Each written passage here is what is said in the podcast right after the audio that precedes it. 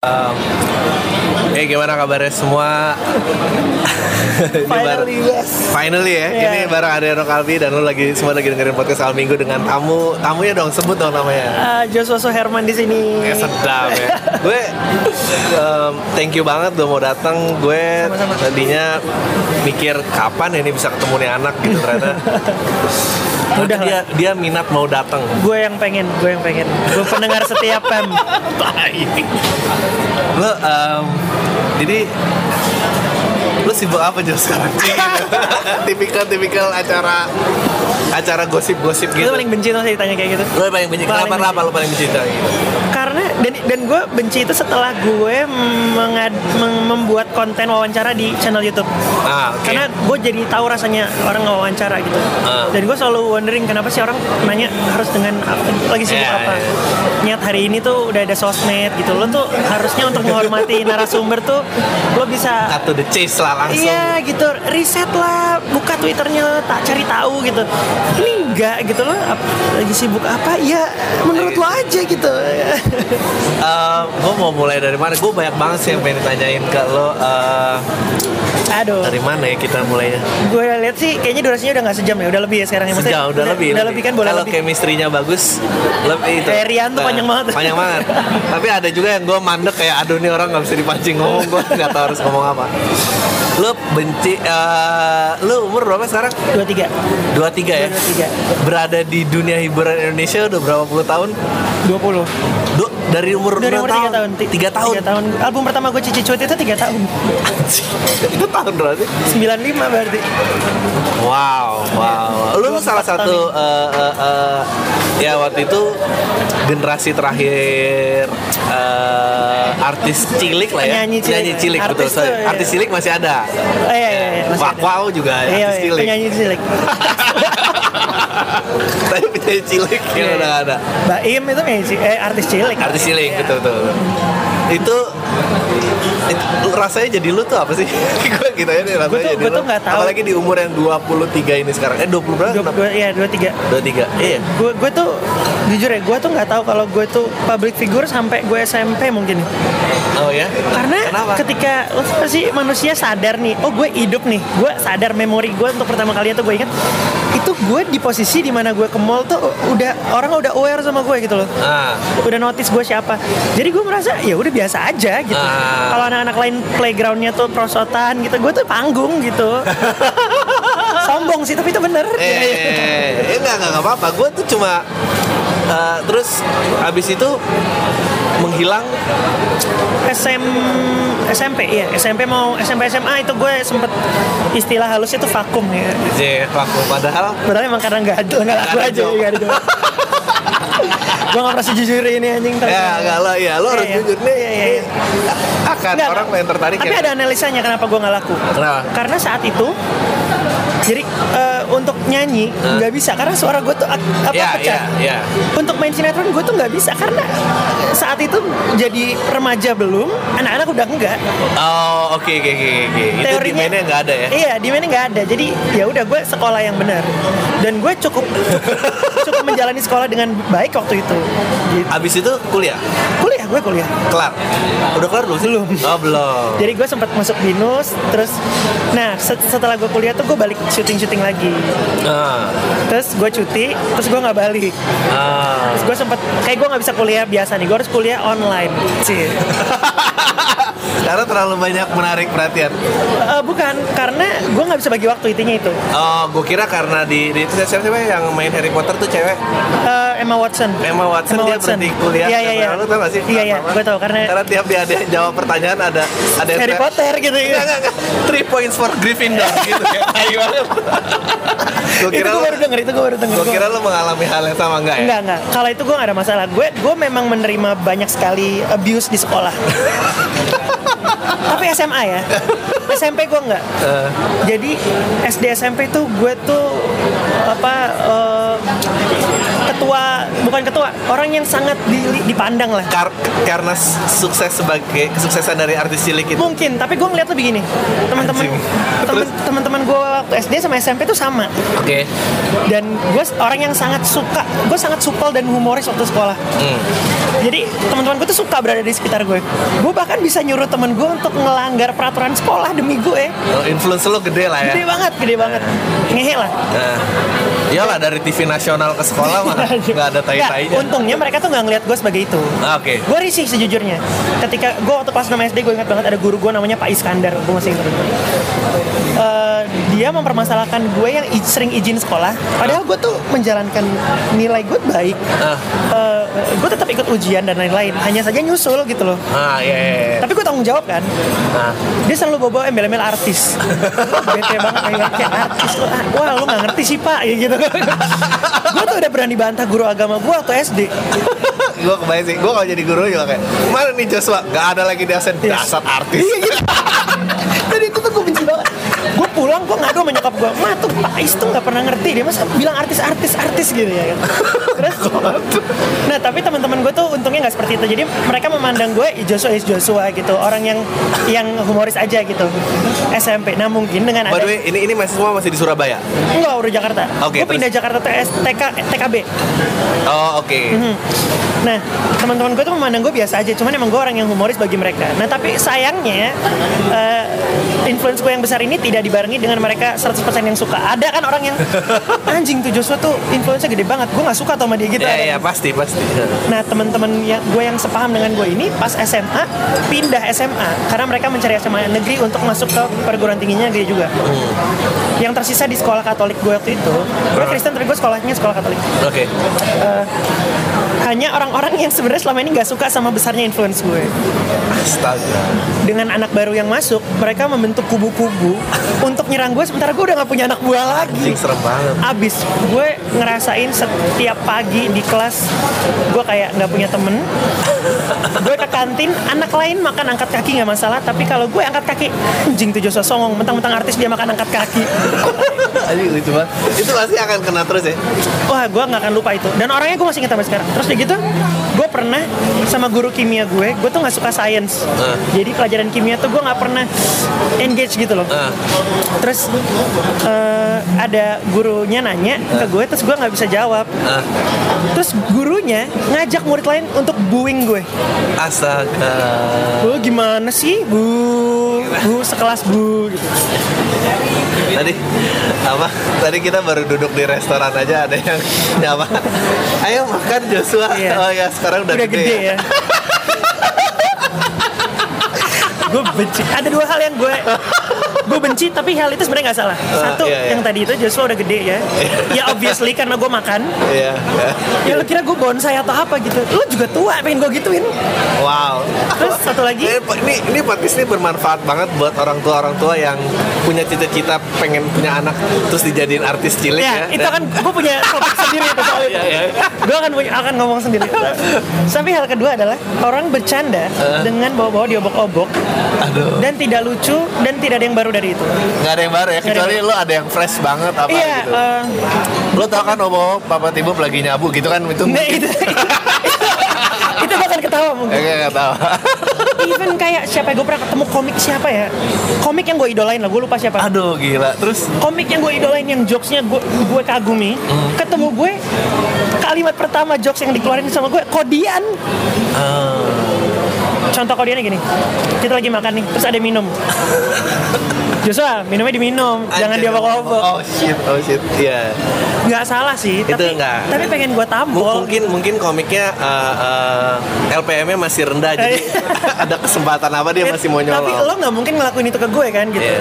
Itu sama kayak kemarin gue sempet nge-tweet kayak eh, gue lagi nge-survey jajanan gitu kan lebih bahaya ayam Hmm. Gorengan. apa ayam tiren Gua Oh, bilang, iya, iya, iya, iya. ayam suntik apa ayam tiren terus gue nge-tweet pasti abis ini ada yang ngejawab lebih bahaya ayam kampus bang terus kayak ada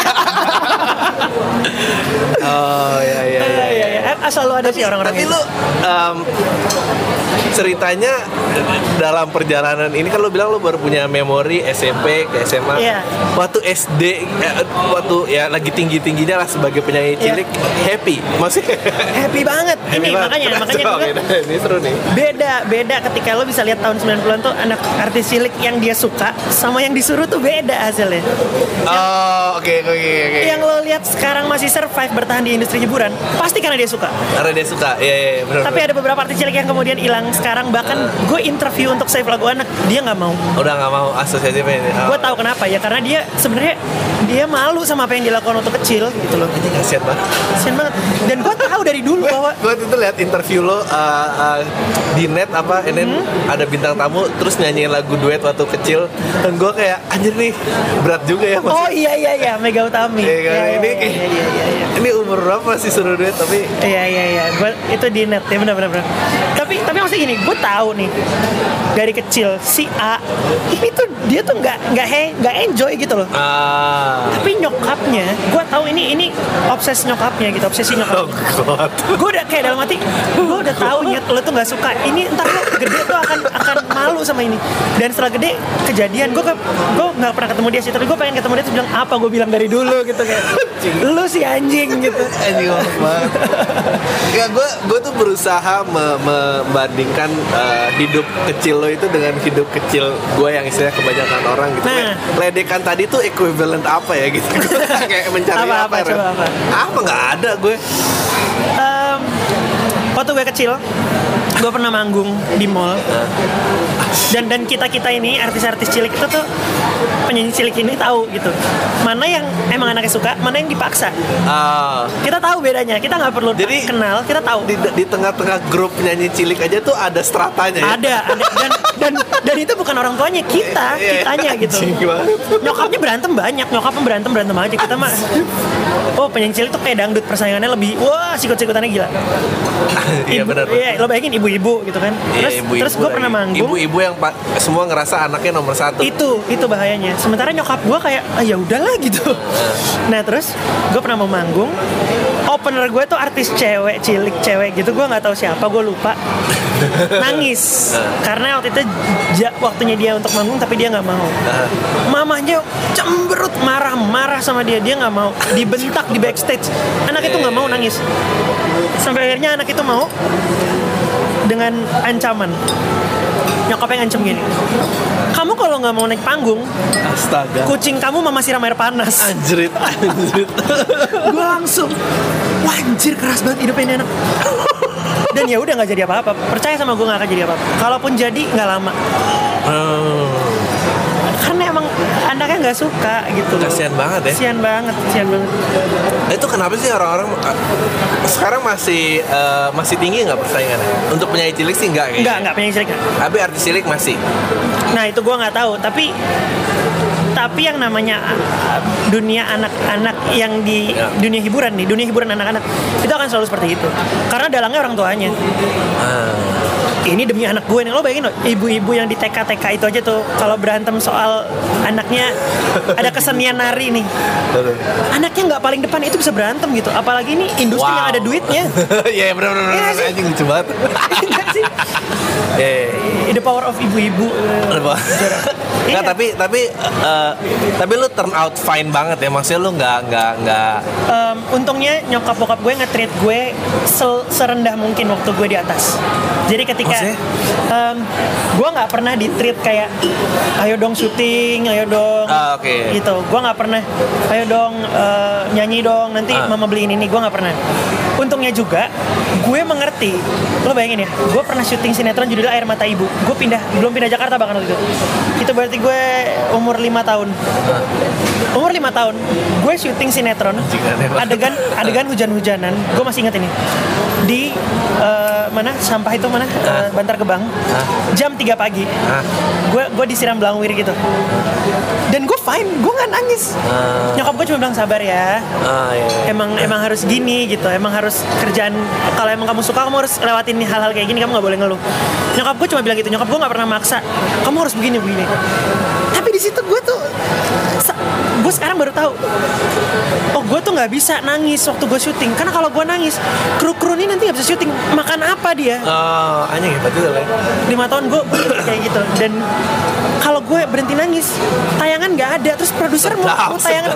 gue udah mikir kayak gitu. Lo benar-benar ini banget sih, ya. gila juga sih.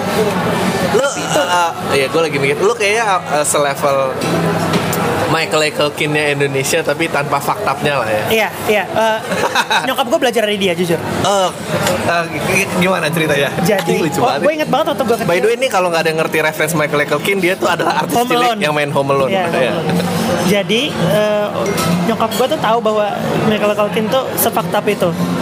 Dia ngejaga gue untuk nggak ada di level ketika gue nyokap bokap gue tuh udah prediksi ketika gue SD SMP gue akan rentan akan post power syndrome. Anjing.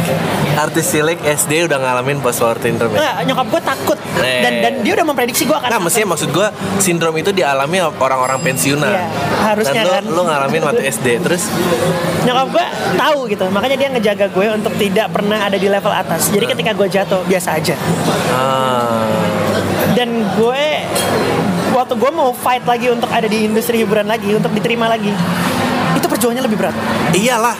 itu perjuangannya Gue kemarin baru nge-tweet kayak kayaknya yang gue tuh paling nggak tega ngeliat orang yang melakukan usaha comeback. Nah, kenapa nggak udah berhenti aja gitu? Nggak, nggak ini susah. tapi well nggak ada indikatornya sih tapi gue ngerasa Nah, karena it. iya iya betul. Nggak tapi karena gini ini ini akan jadi dark ya. karena Gua suka, karena comeback comeback yang nggak jadi itu yang membuat guru-guru spiritual tuh berjaya. yang manfaatkan keinsecurean Iya, iya, iya, dan iya. dan di seolah-olah bisa ditunjukkan mau balik tuh gimana Iya, dan iya. dan dan itu mestinya nggak ada gitu kasihan.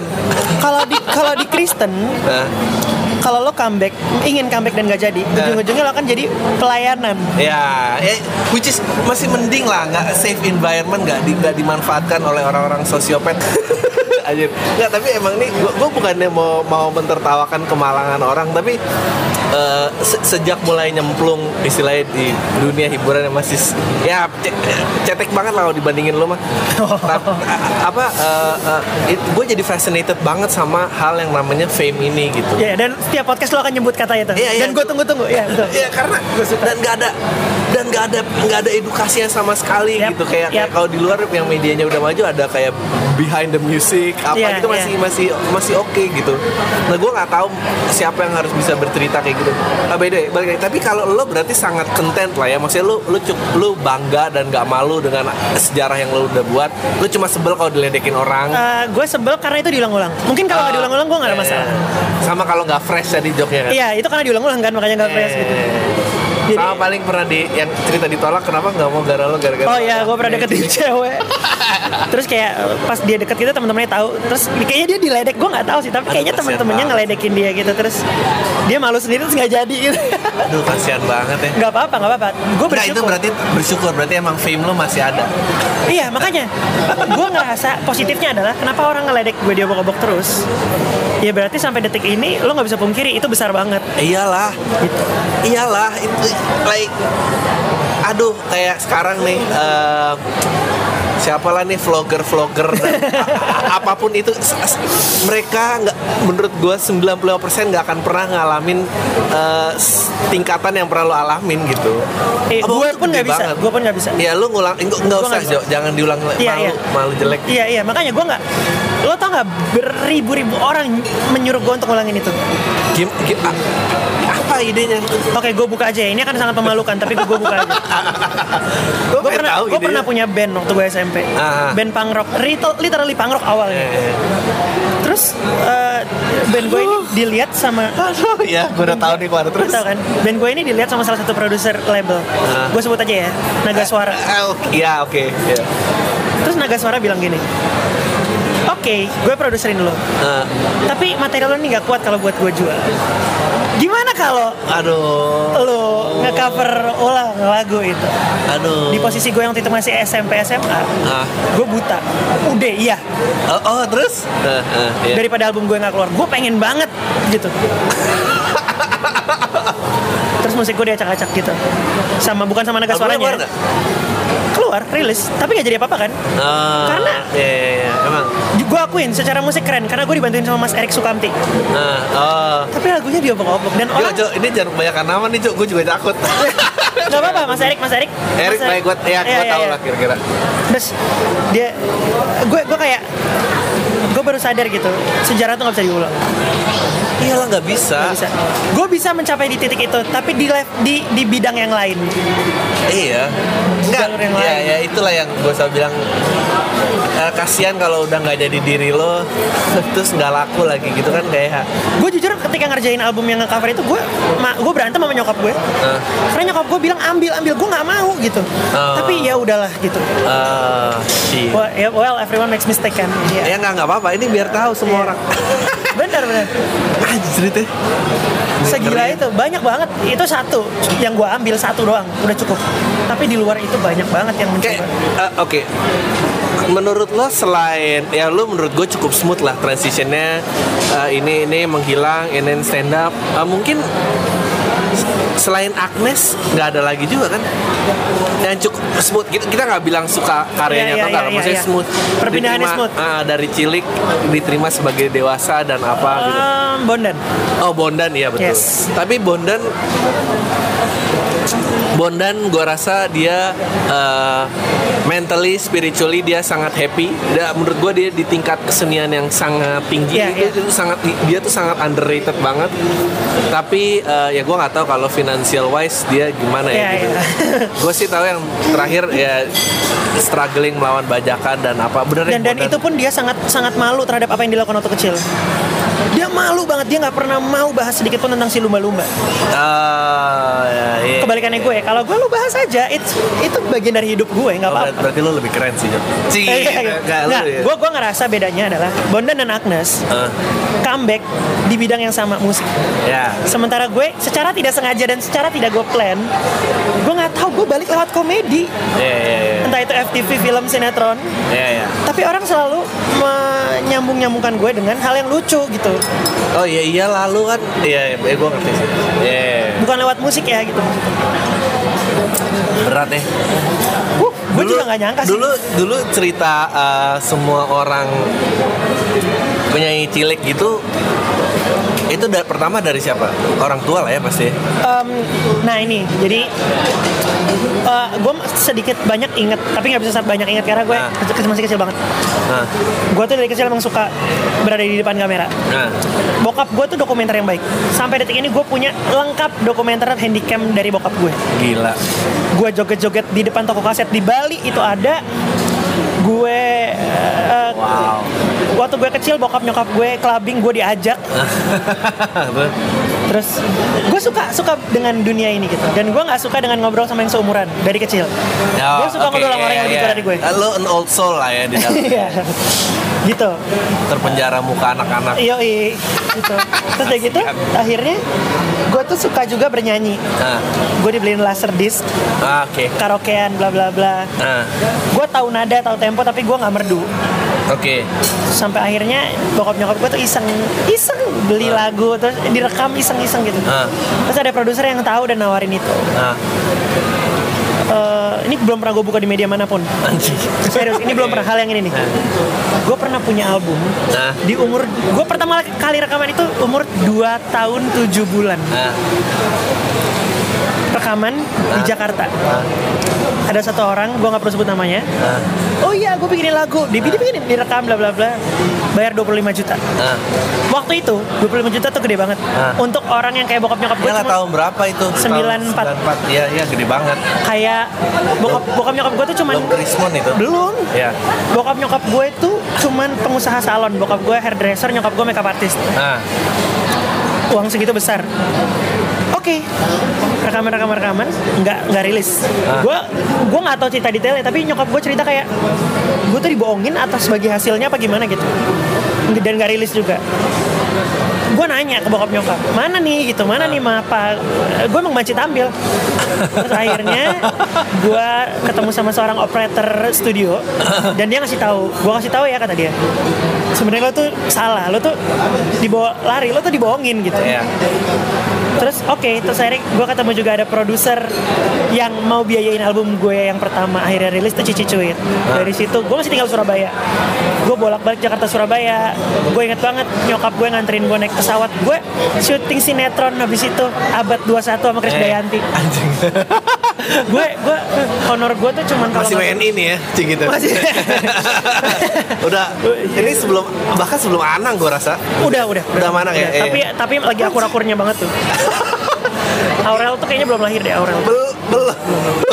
Nah, di situ eh, honor gue, honor gue sama tiket pesawat gue Jakarta Surabaya itu tombok, mahalan tiketnya. Mahal tiket ya.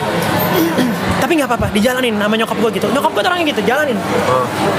Di Jakarta, kalau bayar hotel lebih tombok lagi. Iya. Akhirnya gue tinggal di rumah produser album gue itu. Ya.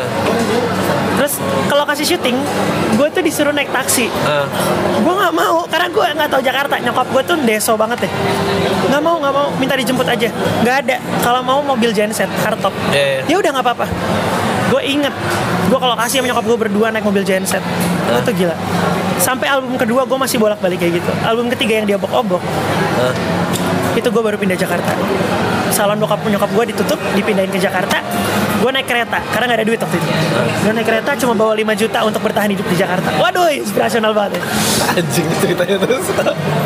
Tapi biar gimana pun bokap nyokap gue nggak mau dong memberatkan keluarga ini Eh. ke anaknya Eh. mereka ingin tetap kerja mereka cari di koran ada orang punya tempat gitu Ah. di Mitra Bahari Pluit Ah.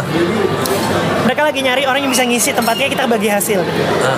Oke, semua alat salon, sofa, kursi, kaca itu ditaruh di situ. Karena emang mau kerja sama bikin salon di situ. Rumah gue tuh nggak ada sofanya, Dri. Kita kalau ada tamu tuh di tiker gitu. Karena udah buat salon aja dulu. Gue ke Jakarta 98, kerusuhan Mei, dibakar salon itu. Anjrit. Dibakar di jarah. Anjrit. Nah. Gue tahu bokap nyokap gue saat itu down banget sih. Tapi ya udah, nggak apa-apa. Jalanin. Dia obok-obok meledak. Oh gila. Iya. gue dapat rumah dari produser kecil sih tapi Ah. ya itu rumah gitu still rumah di Cibubur dan sampai sekarang gue masih di Cibubur juga. Terus gue dari nabung bisa bi- bisa bangun rumah eh, bangun rumah yang eh, saat itu gue kalau sekarang gue udah pindah lagi dari rumah itu. Dan gue sekarang kalau lihat rumah gue tuh dulu 1000 meter nyet. Wah gue gue bisa bikin itu dulu. Ya terus nyokap bokap gue kerja bla bla bla bla tapi naik turun gitu. Gue Iya, iya, iya. harus akhirnya jual rumah itu gue pindah lagi. Dan sekarang gue happy Kayak lu anjing gue gue jujur gue nggak menyangka pembicaraan akan mengarah sedalam ini. ya dark Ah, ya dark banget. dark banget dark banget kalau kalau detail gue ceritain dark banget Anjir lu terus eh, em, tadi kan kita duduk terus lu juga kayak eh, swearing ya emang anjing nih tai ini ini. Terus gue dalam hati mulai ngerasain nih Joshua nih sebetulnya dalam hatinya pemarah nih gitu kan. Iya. Kayak iya kan. iya iya setuju gue setuju gue gak ngebayangin uh, re- realita hidup lo uh, yang kayak gitu dan lo kecil udah dipaksa mengerti beban beban orang dewasa lah gitu Iya. bahwa, bahwa lo harus bukan bawa dipaksa sih lebih, lebih tepatnya gue mengerti gue mau ya itu. mengerti gue mau mengerti lo emang harus pikul itu iya gue mau untuk mengerti sementara lo hidup yang sampai detik do ini 2016 aja orang tuh masih kayak sekarang udah gede ya gitu. kayak tai lo kalau tahu gue tuh bikin rumah buat orang tua gue dasar lo gue nih lebih dewasa No, daripada no. anak lo yang umur itu itu yang jadi kadang-kadang ketika gue down nih ketika karya gue nggak bisa diterima sama orang gue down. Ketika gue putus ketika gue gue punya pacar dan pacar gue selingkuh sama orang lain. God. pokoknya ketika ketika gue ada di titik terendah hal yang bisa gue banggakan adalah dibandingin cowok lain. Enggak men. Lo belum ngasih apa-apa ke orang tua lo. Iya iya benar benar. Nah jadi buat yang uh, wondering kenapa uh, Joshua bisa sama Pamela ada sisi inilah Yes. ya. Gitu. sisi pria kedewasaan yang orang lain tuh nggak tahu sebetulnya. Pamela itu lahir dan besar di Madiun Ah, Pamela pernah bilang gini kamu tau gak waktu kamu waktu kecil kamu pernah manggung di Madiun dan aku tuh nonton front row ah gila ya. gue punya punya mantan juga gue punya mantan juga mantan gue tuh pernah front row juga nonton gue dan gue roasting. Jadi waktu gue kecil buat yang belum pernah nonton gue manggung off air kalau off air Ah, iya lu harus ada. gue gue ya kayak stand up aja. Gue nyanyi tuh dikit. Banyakan tuh ngomong ngerosting penonton main games kayak gitu. Nah si mantan gue itu pernah gue roasting gitu waktu kecil terus dia sakit hati sampai sekarang sama gue. Anjir aneh banget, aneh banget. strange sih. Itu ini gue ngerasa ini nggak akan pernah dirasain sama orang lain. Terus kalau sekarang nih lo sekarang nih apa Jo?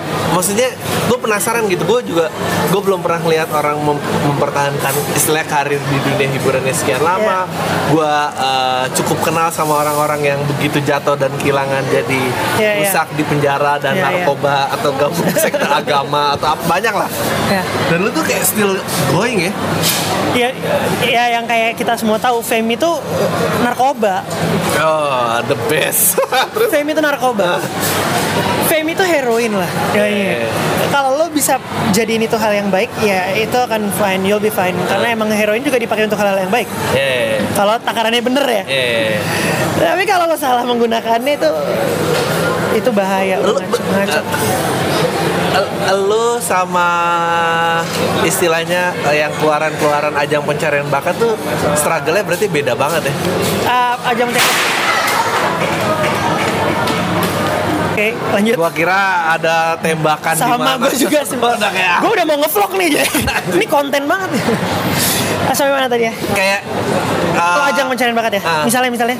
itu perputarannya pasti saya kira lebih kejam lagi ya maksudnya nggak laku dan buangnya tuh lebih Oh iyalah. Gue sebut nama aja ya. Aris, tau Aris nggak? Nggak. Aris Idol. aha Iris Tahu. Idol itu dari dia audisi, Ah. Titi DJ nangis nih, karena suaranya bagus banget. bagus banget Terus jadi jadi kayak uh, media darling banget gitu saat itu. Jadi kayak TV gini nih. em, biasanya ajang pencarian bakat itu antara penonton, apa Ya. yang dimau penonton sama apa yang dimau TV itu kan berseberangan. ya Contoh, Suci. ya Orang tuh seneng banget sama Dodit. ya Tapi TV kan nggak mau Dodit menang kan gitu. ya ya Nah, sama. Tapi si Aris ini dua-duanya suka gitu. ya Terus kemudian dia juara, juara apa runner up gitu. Gue lupa. Pokoknya dia masuk final. nah, Dia punya album nah, sebelum itu dia berantem sama bininya dia jaki-jaki bininya dia cerai aduh ya terus hilang udah. Itu Gila cepat ya. banget cycle-nya. Cepet banget ya? Cepat banget. Gue wah sayang banget ya. Karena memang menurut gue si ajang pencarian bakat ini ah. membuat narkobanya ini lebih cepat bekerja. Iyalah.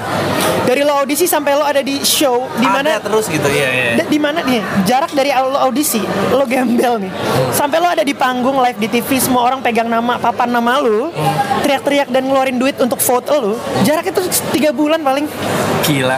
Dan itu eh, modal di belakangnya juga gede. Time modal waktu- apa nih? eh, untuk SMS dan apa itu kan ha- harus modal sendiri pasti beli kartu banyak banget. 2000 per SMS Nah, gue sih ogah ya untuk ngeluarin 2000 untuk Iya. SMS lo jadi lagi di mana 2000 iya. gue mending nggak usah lah ngapain ya dan banyak kan kontestan-kontestan yang kayak beli apa namanya beli kartu perdana iya banyak banget gitu-gitu, banyak banget kayak- itu banyak banget contoh deh gini deh sebelum ada WhatsApp dan BBM ya Iya.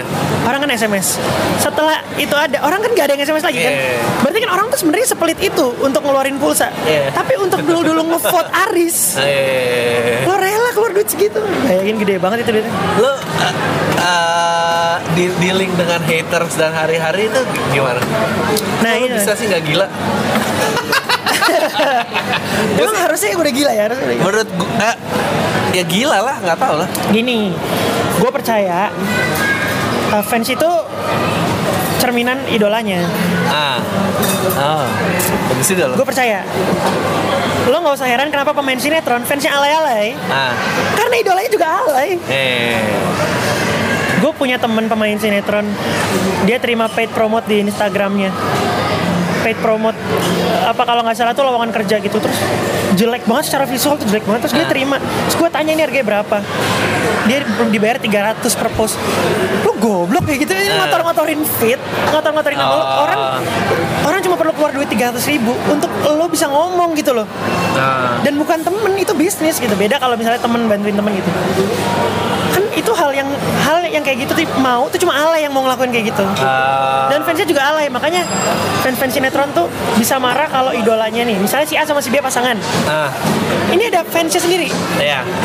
jadi Which bukan numbernya gede banget kan? dan bukan fans A atau si B ya fans A B Ah, iya, iya. kalau sendiri-sendiri mereka nggak ngefans dan mereka pengen A sama B ini pacaran beneran kayak di sinetron Ya itu. kalau si A punya pacar di luar itu dibully abis pacar Oh, iya, iya. ini kan gila kenapa gue nggak nggak punya fans yang segitunya karena gue tidak mengizinkan karena gue tidak memberikan contoh Nah. gue tidak menjadi role model mereka untuk kayak gitu Well, tapi lu juga nggak segitu desperate untuk comeback sih. Kalau lu pengen comeback kan pasti bisa disetting beli berita, dianggap nyium siapa, terus ada Kal- ini. kalaupun gue harus kalaupun gue harus comeback gue nggak akan pakai cara sefilty itu Ah, the best, the best, the best. Iya. Ya, maksudnya beli berita gosip juga ada kan ngaku di pasar ada ada banget ada banget gue Gak usah sebut nama, itu. ya gue pernah ditep, gue pernah ditawarin sama satu orang yang pengen jadi artis Anjing. gue suruh diba gue dibayar tiket keluar kota ceritanya gue liburan sama si artis itu dan pacaran Ah. dan gue gue akui harganya sangat berani ah. bayangin itu harga sangat berani untuk gue. Orang yang mukanya kayak gue. Lo bayangin gimana Aliando coba. Kalau misalnya Aliando bisa dijual kayak gitu berapa harganya tuh? Coba lo bayangin. Itu gue lo gitu. banget ya. Kejam banget. Ya, ya tapi mahal. People apa ya orang tuh sepengen itu untuk ngetop. Eh, kayak nggak gue tadi pengen lu de- nah dengan dengan dengan eh, wave of this digital movement sosmed dan segala macam sebetulnya berapa persen sih pengaruhnya dibanding konvensional media gitu yang kayaknya yang lo sebut alay tadi itu kan konvensional media dan angkanya kayaknya masih jauh signif- lebih jauh signifikan ah ya? nggak juga enggak ya nggak juga Ah. lah itu yang nonton Radit Ah, iya, iya. Tadi itu gede ya? ya saat ini terbesar lah tapi dibanding pemain sinetron yang paling wah gitu Atau sehari ini iya iya iya iya iya. iya. Oh, oke, kita nggak bicara YouTube ya, apa pun nggak ya. bicara, Ya, Oke iya. oke. Iya sih, iya iya. Saya digital media lawan konvensional media tuh masih Menurut gua masih masih masih sama sama. Eh, menurut gua sama. sekarang sama. Iya. Sekarang sama ya. Sa- Saat ini sama. Ah. Karena em, ya babysitter punya Instagram, semua punya Instagram terus eh, orang tuh sepengen itu. Ini gue lurusin ya. Ah. Buat kalian yang pengen ngetop nih. gue kasih tahu. Iya. Fame Eh, itu akibat, Iya, iya, iya. bukan sebab. Iya, benar. Setuju gua. Ya nggak? Nah, Em, di Nini, Towok nah, kita bisa tahu iya. karena karyanya. Betul, betul. Ketika karya lo bagus, orang akan tahu. Iya, iya, iya. Bukan dibalik. Lo tau nggak? Teman-teman gue tuh beli fanbase, nge-adminin fanbase-nya sendiri. Anjing. Sumpah, demi demi gue nggak bohong. Anjing gue juga. gue, Gue mau ah kolam tai gue yang itu. Nah, itu bukan gue yang bikin, itu orang lain. dia nge-adminin sendiri, dia Ah. nge-post jadwalnya sendiri, dia bilang dia ngefans sama dirinya sendiri. Berat Temen ya? gue punya dua akun fanbase dan dua-duanya dia. kan mainnya dua-duanya dia. Gila nggak? Anjing kasihan demi demi apa? Demi dia nge-grab masa. Jadi menurut dia oh gue gue harus nge-grab masa. Kalau gue udah nge-grab masa gue akan bikin karya yang bagus terbalik. Lo bikin karya yang bagus dulu. Nanti fame-nya dateng. Nggak ada ceritanya orang punya banyak masa terus kualitas karya lo jadi meningkat tuh nggak ada. Terbalik. Eh, tunggu bentar, tunggu bentar. Lebihin aja Iya nggak apa-apa. gue malas di itu. Gue tadi mau. Lu lu lu udah lama dari tahun 92 kali 93 sampai sekarang. Lu kangen dunia normal gak sih? Interaksi kenormalan lu tuh paling banyak sama siapa sih? ini normal Ini normal. ini ya? normal gue nggak tahu dunia selain ini sih Wow. Gue sangat mencintai ini gini Bagus tuh nggak jadi kayak Michael Jackson gitu ya. Ya, Anak kecil diundang ke rumahnya. dan enggak. serem banget sih gue gue nggak tahu dunia selain ini karena gue nggak pernah mau coba juga. Oh, gue iya merasa udah di sini aja. Gue gue berada di tengah-tengah.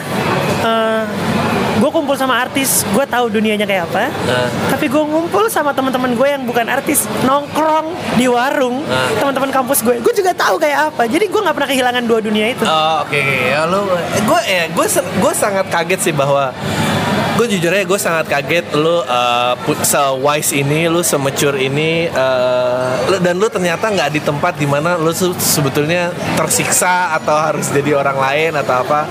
Tapi kayaknya lu cukup banyak reference ngeliat orang-orang yang tersiksa juga ya. komedi membantu gue Nice. Yeah. lewat komedi gue bisa ngecengin orang anjing tuh orang hidupnya gini-gini Ah. sehingga so I don't have to be him gitu Yeah. itu yang mem- membantu banget komedi tuh ngebantu banget Pagar lo di siapa? Di nyokap ya? Kalau nyokap kayak udah Gue yakin pemikiran lo soalnya jauh lebih liar daripada ibu. Pagar untuk apa dulu nih? Untuk berkarya di mana nih? Maksudnya em, dalam artian Misalnya lo bikin joke yang menyinggung atau nah, nah, nyokap nyokap gue sangat membebaskan gue untuk menulis Oh, oke. joke Ba- Tapi, tapi beberapa kali dia protes tapi Ah. selama gue punya alasan kuat untuk ngebantah untuk ngejelasin nyokap fine. Nah, pagernya adalah apa ya gue gak punya pagar kayaknya. Cuman cuman ketika ketika gue ngerasa ini hate Ah, nggak bisa. Ah, gue nggak bisa ucapin apa yang hate apa yang gue benci. lo benci, jangan. Ya. gue ngecengin orang satu harus lucu. Ya ya ya atau kedua eh, Best banget. gue punya punya alasan kuat gitu. Loh Ah. jadi bukan karena gue benci aja. Hebat ya. Enggak, gue gak menyangka lo obrolannya Bikti Karena gue Tapi oh, lo tadi bilang lo tiga bersaudara Lo paling tua. Paling tua gue paling tua. Eh, Adik-adik lo ngapain? adik-adik gue yang satu kuliah satu sekolah. Gak ada yang dibantuin jadi artis dong? Mereka Seperti- nggak mau sih. Mereka nggak mau dan dan gue Dari bawa acara gosip dan nggak nggak nggak. Mereka nggak mau karena mereka tahu eh, bukan bukan dunia mereka. Gue gue ngeliatin lo kayak gini gue jadi mikir anjing gue kayak banyak perlu banyak belajar deh sama lo. Karena gue Cielah, lebih nggak, karena gue lebih banyak hate nya dan gue nggak kebayang bukannya mau bilang lo palsu ya pasti kan lo lo punya pemikiran kayak gini tapi lo ketemu orang-orang di dunia hiburan banyak. Ya. tapi lo kan harus simpen semua tuh lo nggak bisa bilang kayak goal gue adalah ketika ketika orang tanya Jo lo pengen jadi orang yang kayak apa sih? Lo pengen dilihat orang tuh sebagai apa sih? Ah. goal gue tuh gue pengen jadi orang yang lovable. Ah. Tapi susah sampai sekarang tuh gue belum ada di titik itu. Gue pengen jadi orang kayak Jimmy Fallon kayak Ellen gitu loh, yang yang ketika gue ngomong hate pun orang akan setuju dan nggak apa-apa Ah. lo tuh lucu gitu. Kalau di Indonesia siapa ya Ujo. Ujo tuh gue Ya. nggak pernah benci sama Ujo. Eh, menurut gue eh, itu juga siapa eh, eh, eh, tadi kita bilang lo mau kenalin gue eh, bukan kenalin siapa? Sule. Sule. Sule nggak kurang media darling dia. Oh, bukan media darling sih. Eh, bukan media darling, ah. Sule itu iya, tapi tapi kadang kadang gue nggak ngelihat Sule itu 100% jujur Oh, kalau oke. lagi di TV. Wah gila, gue sih juga nungguin orang itu Jo Kayak Iya jujur sih? dan disukain semua Dan orang gue gue goal gue gue harus jadi orang kayak gitu. Gue pengen banget. Makanya gue ngejaga Anjing ya gue ngejaga gue supaya tetap lovable, tapi gue nggak fake gitu loh. Iya iya iya. Ya, Gimana kayak- tuh caranya tuh? Nggak tahu gue Kayak em, menurut gue ya kalau lo mungkin luar negeri ya Justin Timberlake eh, Dia transisinya menurut gue dia juga salah satu orang yang Kalau Britney Spears kan mereka Iya, sama-sama iya, Mickey iya, Mouse Club Hancur kan. Britney Spears, Christina Lo Aguilera udah nonton belum Britney Spears sama Ellen yang di YouTube yang baru? Belum Wah itu lucu banget parah. Eh, Lo harus lihat Britney Spears di Carpool Karaoke Oh iya iya. Ya ampun iya. sedih banget sih Sedih, gue sedih banget, Itu sedih ngeri banget sih Dan ngelihat dia tua banget gitu kayak. Tua banget terus Nah kayak yang di Ellen, Ellen tuh bisa nyindir Britney dan nyindir seluruh Amerika pakai Britney itu lupa. Eh, Gue kasih Ya gue ngerti magicnya Ellen ya Iya, iya, kayak jadi dia sama Ellen jalan-jalan ke mall? Terus bilang eh kita tuh artis, kita tuh selebritis, terus Hah? dia nyamperin anak-anak pengen jadi apa dokter, udah jangan jadi dokter deh, Jadi udah artis aja." jadi artis aja, udah gitu. Lucu banget Ellen tai lah. Eh. Terus Britney tuh nggak sadar kalau itu tuh nyindir gue, nyindir dia gitu. Iya iya iya. Kayak Justin Timberlake, Kayak- oke lah. kayak uh, misalnya yang eh, eh, emang jadi jadi orang jadi diri lo tuh kuncinya kayak gue uh, Britney Spears Christina Aguilera sama Pink gitu ya yang akan urakan tuh kan Pink tapi Pink, iya. yang ironis yang hidupnya paling normal tuh kan Pink ya gitu Iya, iya, Dua orang betul. ini hancur banget Benar, benar, benar. ya maksudnya maksud gue Justin Timberlake tuh pas dia bikin Mouse Club NSYNC NSYNC terus dia bertransisi ini maksudnya ya apa uh, kejujurannya dapat influence-nya juga Iya dapat betul, dia seimbang. kayak ya kayak Bondan gitu masih ka- kasihan Ini ngomong-ngomong NSYNC ya. Hah? Kita tuh ada satu pola tuh sih dari sebuah boyband di seluruh dunia ini. nah setiap boyband yang muncul kita akan hina dia kita akan bilang dia gay Ah. kita akan bilang dia menjijikan nah. Tapi suatu saat boyband itu akan jadi legend dan kita kangen polanya Ah. akan kayak gitu terus Enggak, tapi itu dikit banget lah kayak boy, transisi boy band terus jadi legend kan paling siapa Michael Jackson, Justin Timberlake. Oh by the way, ngomong-ngomong soal boy band, lu nggak ada tawaran pernah jadi boy band? nggak nggak nggak nggak Nggak ada? nggak nggak nggak Padahal kan Gue- lengkap nih kalau gue Nah. bisa sebut siapa aja jangan, jangan. Oh, bukan boy band. Gue pernah bikin vocal group. gue, Giovanni yang mantan artis cilik, terus Ah. Natasha mantan artis cilik juga, sama satu lagi You'll be surprised. Siapa coba? Siapa? Teza Sumendra. Oh. Sebelum Teza solo karir dan dan dan sama Denada waktu itu dibentuknya. Terus gue kayak enggak deh, ini bukan. Ya itu ya Denada tuh juga salah satu yang menurut gua berat banget mau Yes. comeback. Udah dangdut udah apa. Lu udah lihat denger lagunya udah, terakhir? udah, udah. Iya. Dan dia balik ke IDM lagi kan? Iya IDM ya Iya. Se- sedih gua kayak gitu tuh gak usah nyoba aja lah. Gue. Dan ada pernah cerita waktu dia disuruh sama nyokapnya untuk pindah ke dangdut dia nangis nangis marah marah iyalah. Gila gitu idealisme gue mau dijual ke dangdut gitu. Eh, tapi akhirnya dia ambil itu gitu. Ambil itu. Anjingnya nggak kebayang ya nggak kebayang gue. Nah, kayak aduh. Nggak kayak lu lu nggak pengen ngomong kayak gini Jo di tempat lain? Pengen banget tapi gue nggak pernah berani. Eh, gue nggak punya guts untuk itu. Anjing. Ya karena gue mau ngejaga kenapa gue tetap pam itu? Lovable eh, ya itu itu kenapa pam? Berarti frekuensi pendengarnya belum signifikan ya? Mungkin. Dan itu kenapa gue suka pam. Iya. Karena Iya, iya, iya. iya karena karena kejujuran tuh kan selalu lucu sih. Kejujuran tuh lucu banget. Iya karena gue ngebayangin gitu kalau lu bisa jadi kayak gini gitu di depan Deddy Corbuzier yang dipikir orang nggak bisa lihat gue tahu nyet lu juga fake juga gitu Iya iya iya iya iya iya. Eh, permasalahan talk show di Indonesia adalah hostnya juga fake gitu. Maksudnya juga fake gitu Hostnya tuh nggak pernah Iya, iya, mencoba iya. untuk hati ke hati. yang lebih parah daripada fake tuh menurut gue adalah orang yang merasa dia itu beda daripada yang fake padahal dia fake juga Iya, iya, nah iya. itu lebih dalam lagi tuh pen- pen- pen- penyadarannya Gua gua nggak pernah no no ini bukan Deddy Corbuzier ya. Iya. Ini bukan Deddy Corbuzier karena gua ngerasa Deddy Corbuzier di antara yang lain dia masih yang lebih Lebih mending, lebih iya. mending Iya. dan lebih bagus. Oke. Cuman bukan salah Dedinya, iya iya salah medianya itu aja sih. ya kayak gue inget uh, mat tuh ya teman kita yuk kukuh gitu diundang gara-gara ini Kok diundang mana? diundang hitam putih Bohong, serius? Sumpah Gue kan udah ketawa ngakak gitu kan Kayak kuku udah ini ini ini ini Hitam putih Ya kuku? gara-gara Youtube si polisi jalanan yang Oh, nyetop-nyetop itu. itu Oke oke.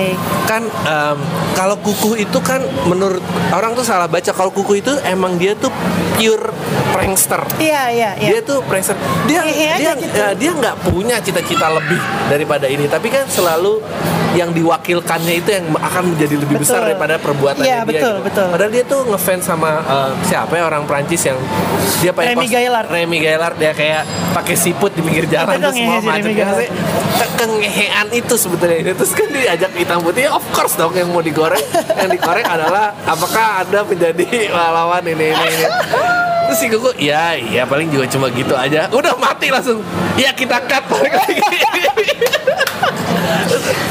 Ngeliat kuku di TV aja tuh kayak hal yang aneh tuh Aneh, sebenarnya. aneh, Iya, aneh. Aneh. Enggak maksudnya Ya, De- Dedi pasti akan mau ngangkat ini dengan ini Gue gak kenal si orangnya nggak tahu ya rumus TV di Indonesia semuanya tuh harus lo bawa either ke komedi atau ke melankolis. Iya, iya, iya benar. Nggak tahu kenapa sih harus Kemarin gitu tuh ada ada yang email ke Pam Menurut lo bang eh, Kalau gak ada yang bikin lagu nasionalisme kayak coklat ini Ini sampai tahun berapa nih? Kayak gue bilang Oh gak kayak SFM gue Gue bilang ya kalau gak ada saingannya Saat 2025 juga masih dipakai nih Garuda di dadakunya netral oke lah Ya tapi again si apa mixnya tuh kurang tepat Oh, gitu iya, ya iya, kayak iya. kayak coklat itu waktu itu kayak fresh tapi tetap membawa yang lama tapi pop tapi nggak baru gitu tapi ya. kayak gitu gitu loh jadi kayaknya pas gitu blendnya sebetulnya kalau masalah tentang eh, nasionalisme yang lebih tinggi sebetulnya karyanya udah banyak, Banyak, tapi banyak, bener. blend itu kan yang susah kan kayak lu bilang tadi itu kayak bahayanya jadi Ellen itu emang blend yang tepat banget. Tapi Iya. kalau kalau nggak dapet blendnya, lu lebih tetap pilih diri lu apa nggak? Nah, gue akan cari yang terdekat dengan itu aja sih. Ah, hebat ya. Gue sampai kapan pun, sampai gue tua pun gue akan ngejar itu sih. Gila. Gimana caranya gue jadi orang yang lo? haters haters lu harus denger mesti ya bahwa lu tuh pemikirannya dah gue suka diomelin sama nyokap gue gara-gara kalau gue nanggepin haters di mana pun gitu di Instagram atau di mana. Kamu tuh jangan gitu, jangan gitu-gitu banget sama orang. Karena standar haters gue tuh gue nggak pernah nganggap mereka haters. Ketika orang kritik gue Eh. dan gue bisa balikin kritiknya, Nah. orang tuh nggak terima. Orang akan bilang jangan anti kritik gitu. Oh iya dong." benar benar benar. Bukan anti kritik. Ketika lo kritik gue, gue jelasin nih begini nih maksudnya. Eh, lu lu sama Kamga mempunyai cerita yang mirip kayak seolah-olah Pak kan lu lu tampil di media nih terus orang nih punya punya, Punya hak. ekspektasi sendiri Oh, iya, akan iya. diri lo gitu Iya, iya. nah pada saat lu mengeluarkan sesuatu statement yang di luar kayak imajinasi gua akan lo orang Iya. akan kayak lo ini apa sih nih gitu Iya, iya. maksudnya kayak Loh, jangan salahin gue hanya karena ekspektasi lo dong gitu. Iya, benar. Yang salah ya mungkin ekspektasi lo. Ya, orang-orang emang nggak terbiasa bahwa dia berinteraksi sama orang juga sebetulnya. Iya, betul, betul, betul. Sama Dan gue juga kurang setuju ketika orang bilang gue ketika gue ngeritik karya orang terus belum tentu lo bisa kayak gitu. Iya. Eh, tai. Lo lo nggak perlu jadi bisa melakukan itu untuk tahu itu jelek gitu Oh, loh. tapi tapi gue lagi berusaha ngelepas itu sih. Karena Kenapa? eh, nah, kalau gue, Hah? eh, kalau misalnya kalau gue kan cuma tahu skala stand up ya. Iya, iya. Nggak kalau gue gue bilang jelek, ntar semuanya jelek. Gua- Oh, iya, iya, gua- iya, iya. Dan gue dan gue kan udah tua ya maksudnya dalam artian gue I, I, I don't wanna be that grumpy old man yang gue nggak sama Marah-marah gitu, semua iya, iya. uh, terus gue lupa balik ke uh, apa yang mesti gue lakuin dan ntar orang-orang ini karena nggak diajak dan apa jadi ya ya ya udahlah gitu gue ya akan selalu ada itu sih. Iya. Ah, lo mah gitu kan lo nggak diajak. gitu. Karena kalau gue udah, kalau lu kan tadi uh, lu masih mengejar Ellen, um, kalau nggak dapet ya ya titik di bawah itu, maksudnya lu dan lu secara sadar melakukan itu nggak apa-apa. Tapi kalau gue udah mulai sadar bahwa, well gue nggak akan megang mayoritas gitu. Jadi jadi dari apa pun yang tumbuh, gue cuma berharap 10% ke gue gitu. Jangan, itu menurut gue itu salah. Nggak. Itu salah. eh, apa-apa, gue udah karena karena umurnya Jo. Terus gue kayak uh, mulai diajakin main film, main iklan, apa gue kayak ya gue nggak usah jadi leading role, gue teman Itu, akrabnya Chico. Jericho aja nggak apa-apa. Terlalu lo tuh terlalu lo gowo gitu menurut gue. Ya, gue kalau lo bikin apa lo ngajak gue, gue mau. Tapi kalau itu jangan dibalik. Dan gue padahal kalau bikin apa gue mau nonton gitu. Gue mau makan karya lo. Ini ngomong soal Kamga ya. Gua, lo tau gak Kamga tuh pernah jadi orang yang paling ngehe dalam hidup gue 5 menit dalam waktu 5 menit lah. Oh ya? Gue inget banget, gue sebel banget sama Kamga. jadi dulu waktu dia masih di tangga ya? Manajer tangga tuh kenal baik sama gue namanya Johandi. Hah? Terus gue itu gue lupa cerita gimana intinya Johan ini bawa gue ke mana-mana untuk ha- apa waktu itu kalau nggak salah gue mau ditawarin nyanyi atau apa gitu. Ah. Pokoknya gue dibawa ke mana-mana mentoring ketemu anak-anak tangga lagi recording gue ketemu. Terus gue didudukin gitu, didudukin satu ruangan ada Kamga, ada Johan, dia ada ada orang tua gue, ada yang lain. Terus Kamga dengan gaya ngehenya zaman dulu tuh kan Kamga kalau ngomong kan so asik ya. Lo tuh nggak bisa men gitu. Gak, gak, gak, gak, gak, gak gitu, gak gitu. Sosok nge-rap gitu. Kayak ngomong tuh harus ada rimanya gitu. Enggak, padahal dia emang gagap. dia emang Oh, serius? starter. Iya, dia emang starter. Iya, iya gitu terus udah gitu dia dia ngomong menurut gue tuh masa lalu satu Jo. Ini ini gue baru awal, Twitter awal-awal nih ya. Gue lagi rajin-rajin nge-tweet terus dia bilang gini, lo tuh terlalu berisik, lo tuh terlalu berisik di Twitter gitu kan. gue dalam hati, ya kan nggak apa-apa gitu. Oh, ini terkait image ya dia bilang waktu itu gue kayak mau comeback.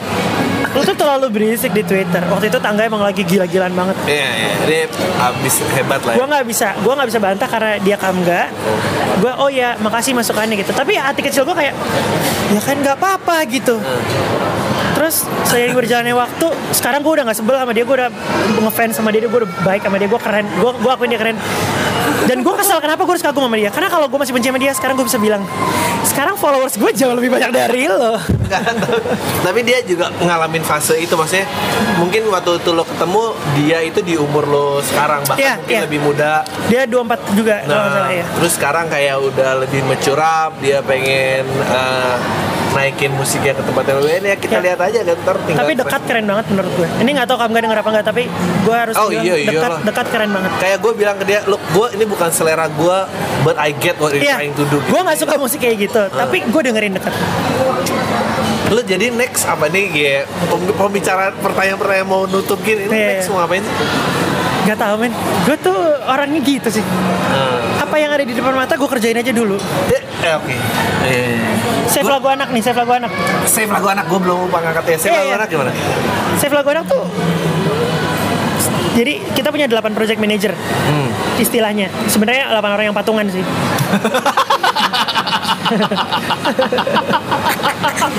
Tapi kan nah, begitu eh, karena gue penggagasnya 8 orang ini cewek semua kecuali gue Iya. akhirnya Ini delapan orang ini yang dulu kecilnya nggak dipaksa ibunya lah ya. Iya, iya. Delapan orang- nggak tahu sih, nggak tahu. Kalau nggak dia udah nggak mau balik pasti. Mungkin ya. Eh. Nah terus ini sudah berjalan dua bulan lah. Eh. Save lagu anak ini. Gue akuin besar karena kita nggak nggak nggak expect sampai kayak gini. Eh. Terus kita nih mulai ngelihat satu sama lain nih punya lo punya misi masing-masing misi misi pribadi gitu. Ah. Oh misi lo apa gitu? Ada yang bilang misinya nyanyi. Jadi dia di Lagu Anak nih untuk nyari pasar karena dia mau keluarin album. Ya, ya, ya. Oh, terus ya. Ada yang bilang misinya ini ya untuk keren-kerenan aja. Kalau gue pribadi ditanya, misi gue sederhana. Kenapa gue bikin save lagu anak? Satu untuk nyelamatin lagu anak itu jawaban kerennya. Dan semua orang 88 nya setuju. Itu misinya emang itu. Nyet lu tai banget sih lu bilang ada 8 orang terus ada satu orang yang misinya masih buat entry albumnya dia Dan bisa gua nggak- ditebak dong dan-. Dan gue nggak menyalahkan. Iya, iya, iya. Silakan. Yang penting lu kerja di save lagu anak ini bener gitu loh. Ah. Dan yang penting gue yakin dia juga di hati kecilnya punya misi untuk nyelamatin lagu anak. Konkretnya mau ngapain sih si lagu anak? Ceritanya si lagu anak ini? Oke, ini spoiler aja ya. ah. Awalnya kita tuh cuma pengen bikin kayak bikin lagu. Oh bikin lagu. Selesai tadinya. ah. Tapi ternyata kita nggak expect sampai sebesar ini. ah. Eh, gue pribadi mau ngebawa ini dalam bentuk yayasan.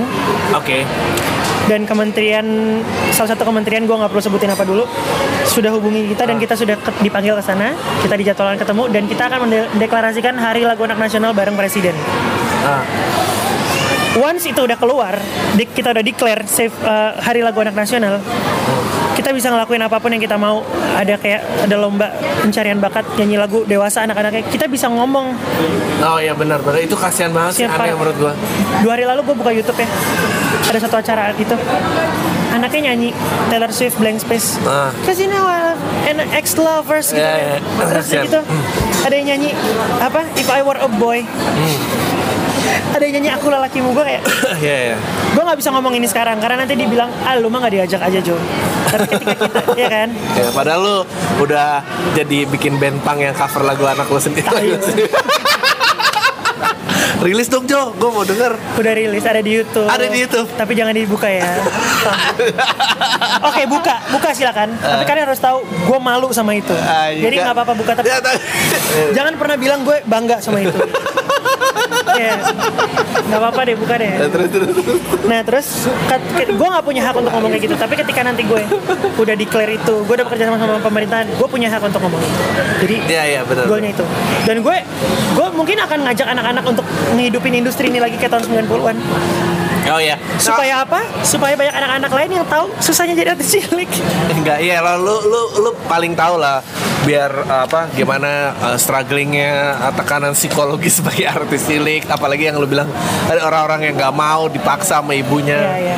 Um, dan plus kayaknya ya angkatan gua uh, jadi concerning parents nih lumayan tinggi jadi lu semoga momentumnya pas nih gitu Ya, salah satunya itu. Gue nggak mau ketika nanti gue udah punya anak, anak gue masih harus dengerin lagu gue lagi gitu.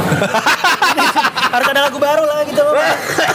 Anjing, lucu Masa lagu banget. bapaknya Eno Lerian melakukan itu ke anaknya. Hah, Eno Lerian anaknya dengerin lagu Eno Lerian? Yes. Nggak, tapi ya masih mending sih, masih mending sih. Daripada Kamu- dia kasih lain, Iya makanya mau nggak mau harus kayak gitu. gue pernah ketemu anaknya Kak Eno terus kayak kamu makanya apa? Tempe gitu anaknya. gue nggak mau itu terjadi. Gue nggak mau itu terjadi. That's why gue harus berubah sebelum gue sebelum gue married sebelum gue punya anak. Itu harus harus udah hidup lagi industri. Karena gue juga nggak mau mendidik anak gue dengan lagu-lagu anak-anak tapi yang luar menurut lo Eno mau nggak diwawancara di podcast sama minggu? Mau, mau. Yang bener loh. Dia kan siaran radio juga. Ah, Oke. Gue gue soalnya gue selalu trouble sama orang-orang eh, begitu disodorin mic, and then otak lo langsung nge-rewire, oh gue harus Oh, nada mic gue, nah, dan nggak nggak nggak lepas topengnya. Iya. Padahal yang seru kan yang lepas Mungkin gue akan kayak gitu tapi karena gue pendengar jadi gue tahu harus di mana. Enggak, enggak Jojo. Gue gue denger lo ngobrol sejam ini, gue happy banget. Sejam serius udah sejam. Sejam 50 59. Anjing nggak The best, berasa. kan? Um, iya gue happy banget sih gue ya gue rasa we should hang out out gue pengen tahu gue juga gue gue suka karena gue nggak pernah sejujur ini. Iyalah perlu gila lagi. Ya makanya jangan.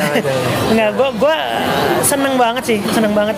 Apa ya banyak hal yang sebenarnya gue pengen ungkapin dan orang tahu gitu tapi gue nggak tahu medianya apa. Anjing gue tuh langsung kebayang gitu kayak dry comedy banget gitu. Artis cilik kayak apa Eno Lerian dengerin lagu orang terus lu namu.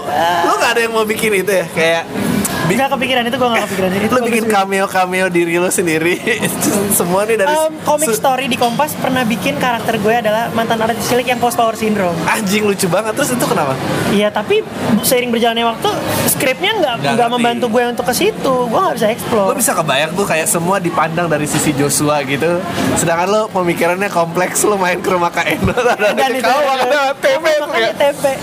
gue ketemu anaknya. Wah, namanya Abi kan gitu.